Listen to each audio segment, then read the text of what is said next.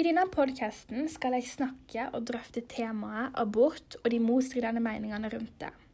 Om det er etisk riktig å velge bort et liv for å preservere ditt eget. Skal man kjempe for foster i magen, som ikke er i besittelse av en egen stemme, eller kvinner sin rett til å råde rett over egen kropp? For burde faktisk noen kunne bestemme over et annet individs kropp og livsavgjørelse? Abort er et notorisk omstridt tema. Det har aldri vært så aktuelt som i dag og utløser stor kontrovers. Motpartene i abortdebatten har fundamentalt ulike syn på hva som er rett og galt, fordi dette er en verdikonflikt med sterke følelser i omløp. Abortdebatten handler ikke om en evidensbasert praksis, men om ulike oppfatninger. Så rører det mest primære i vår kjerne liv, død, barn, respekt, menneskeverd og en selvbestemmelsesrett. Kampen om kvinners rett til selvbestemt abort starta i 1913. Men selv over et århundre etterpå har vi fortsatt en lang vei å gå for at kvinner kan få komplett råderett over egen kropp uten innflytelsen til mektige menn. I 1687 ble kvinner som tok abort, halshugd, og hodene deres ble satt, satt på en stake. Mord i hermetegn ble erstatta med mord. Men så, på 1800-tallet, skjedde det en liberalisering, og dødsstraffa ble oppheva, og abort ble tillatt dersom kvinners helse og liv var i fare. Dette var riktignok et steg i riktig retning, men det skulle fortsatt gå en årrekke før Vestens kvinner fikk råderett over egen kropp. Totalt. Kvinnekampen for lovlig abort starta først i 1930, da Katti Anker Møller, en anerkjent kvinneforkjemper, tok opp kampen for lovlig abort i Norge. Hun starta engasjement da hun først skrev en avisomtale om en kvinne som døde under ulovlig abort. Siden den gang har straffene generelt blitt mildere over tid. Men likevel på 1900-tallet frykta fortsatt motstandere å legalisere abort, nemlig fordi kvinner kunne tolke dette som et grønt lys for å bli mer lettsindige, promiskuøse og bruke abort som et prevensjonsmiddel. Dette er fortsatt en genuin bekymring i mange land. Debatten om abort deler seg i to vidt ulike fundamentale syn på hver sin ende av spekteret, med totalt motstridende meninger, nemlig pro-life og pro-choice-bevegelsen. Disse begrepene koker ned til hvorvidt man mener abort bør forbys, eller om det er bra å ha valget der. Pro-lifers, de som er imot abort, mener at regjeringa har en forpliktelse til å bevare alt menneskelig liv og verne om det, uavhengig av hensikt, levedyktighet eller bekymringer for individets livskvalitet. Dette kan kalles den konservative herskaren. Mennesker som er pro-choice derimot, er sikre i sin mening om at enkeltpersoner har ubegrenset autonomi med hensyn til sine egne reproduktive system og kropper så lenge de ikke bryter med andres selvstendighet. Pro-Life mener at selv om foster ikke er levedyktig eller utvikla, så er det likevel et menneskeliv og burde beskyttes og vernes om. Pro-Choice mener at når barnet ikke er levedyktig, så har regjeringen ingen rett eller forpliktelse til å gripe inn.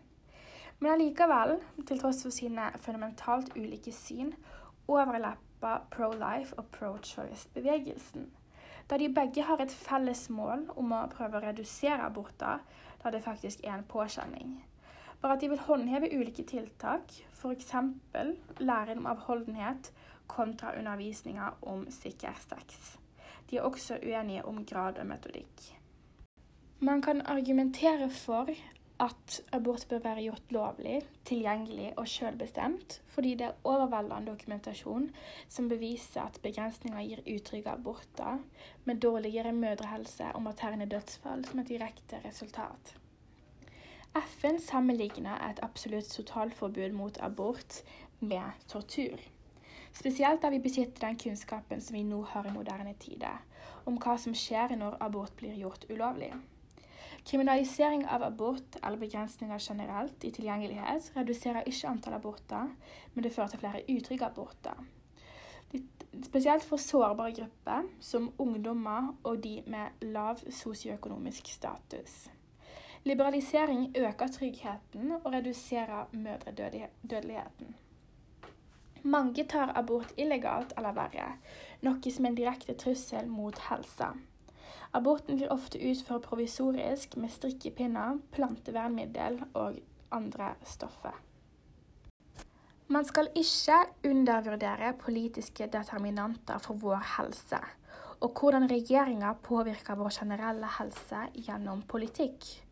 Abort er et aktuelt emne innen politikk, og avviklinga av abortnemnda og en utviding av abortgrensa fra 12 til 22 uker diskuteres.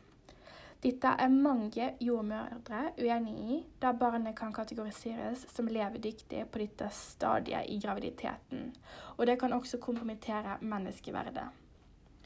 Halvparten av norske jordmødre vil reservere seg dersom abortgrensa utvides fram til uke 22, slik SV og Rødt ønsker seg.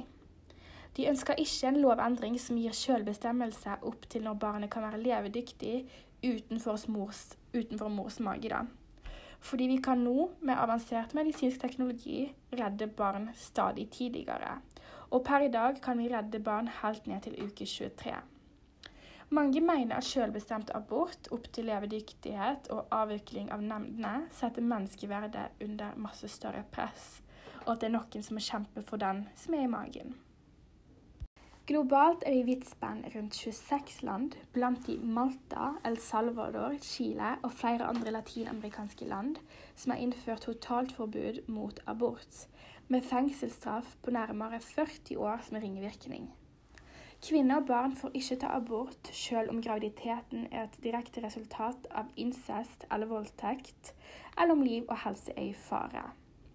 Årsaken spiller ingen rolle. Det har blitt dokumentert flere hendelser der barn bærer frem barn helt ned til tiårsalderen. Der kvinner må bære frem og føde barnet som døde i magen også. Altså at de i månedsvis må gå rundt som en inkubator for et dødsfoster pga. de religiøse, politiske og moralske innvendingene til de andre som ikke befinner seg i gitt situasjon. Jeg har bestemt meg for å inkludere tre saker som berørte meg, og som virker relevante som argumenter i abortens favør. Da de kompromitterer menneskeverd, helse og integritet. En ti år gammel jente i Paraguay som ble gravid etter farens voldtekt, ble nekta abort. Jenta var altfor liten til å skjønne hva som skjedde, og barnet måtte ta keisersnitt i uke 32, for små jenter på den størrelsen har ikke en kropp som kan føde uten å risikere livet. FNs høykommissær for menneskerettigheter kritiserte myndighetene i Paraguay sterkt etter denne hendelsen, og omtaler det som et alvorlig overgrep mot jenters liv, helse og rett til utdanning. Et annet eksempel er 27 år gamle Belen. Belen ble dømt til åtte års fengsel for overlagt drept etter en spontanabort på et offentlig sykehus i Argentina. Et annet eksempel er 16 år gamle Rosaura Hernandez fra Den dominanske republikk, som døde av leukemi fordi legene utsatte kreftbehandlingen da pga. et svangerskap. Religion er en stor faktor og en hovedkomponent til hvorfor mange velger å være motstandere av abort. Den norske kirke er sikre på at menneskelig liv begynner ved unnfangelsen. Mennesket er skapt i Guds bilde, og som Guds skapning står mennesket i relasjon med Gud, uavhengig av stadium i livsprosessen, funksjonsevne og utrustning. I mange religiøse samfunn er også seksualitet og graviditet som resultat et tegn på en løs moral og en vill seksualitet. Jeg tenkte det også er verdt å nevne situasjonen som foregår nå i USA. En situasjon som har skapt stor kontrovers. I USA er abortdebatten som kjent svært polarisert, med svært motstridende meninger. Veldig mange er totalt konservative, og noen er totalt liberale. Men i den konservative sørlige staten Texas har det nå blitt innført en lov om totalforbud av abort etter uke seks. Dette av såkalte humanitære årsaker, og at mennesker må verne om menneskeliv. Dette blir omtalt som et stort steg tilbake i kvinnekampen i USA. Konsekvensetikk fokuserer på konsekvensene av en handling. Man bestemmer hvilke valg man skal ta ved å vurdere de forskjellige konsekvensene gitt valg gir. På den andre siden av den kristne abortdebatten står de som legger den avgjørende betydningen på konsekvensene, og stiller spørsmålet hvorfor får vi færrest aborter? Denne tradisjonen står bl.a. sterkt blant kristne demokrater i USA og blant kristne i Norge. I drøftinga om konsekvensetikk må man ta alle faktorene inn til betraktning. Man kan tenke seg til at handlingen om å avslutte et potensielt menneskeliv kan bli forsvart av et liv til kvinner som er gravid, for å opprettholde sin livskvalitet. Pliktetikk fokuserer på selve handlingen. De valgene man tar, er basert på moralens uskrevne regler og prinsipper. Ingenting skal vurderes, man skal gjøre det som er moralsk rett. Og her må man determinere om det pliktetiske er å la barnet leve, eller om det er kvinners råderett som er viktigst. En slik tenking tar utgangspunkt i at det er galt å ta liv, og at lovgivning derfor må forby abort. Deeds etikk mener at det ikke lar seg formulere noen allmenngyldig regel som skal ta hensyn til alle moralske viktige forhold. Denne setninga er noe jeg mener er selve kjerna i abortdebatten.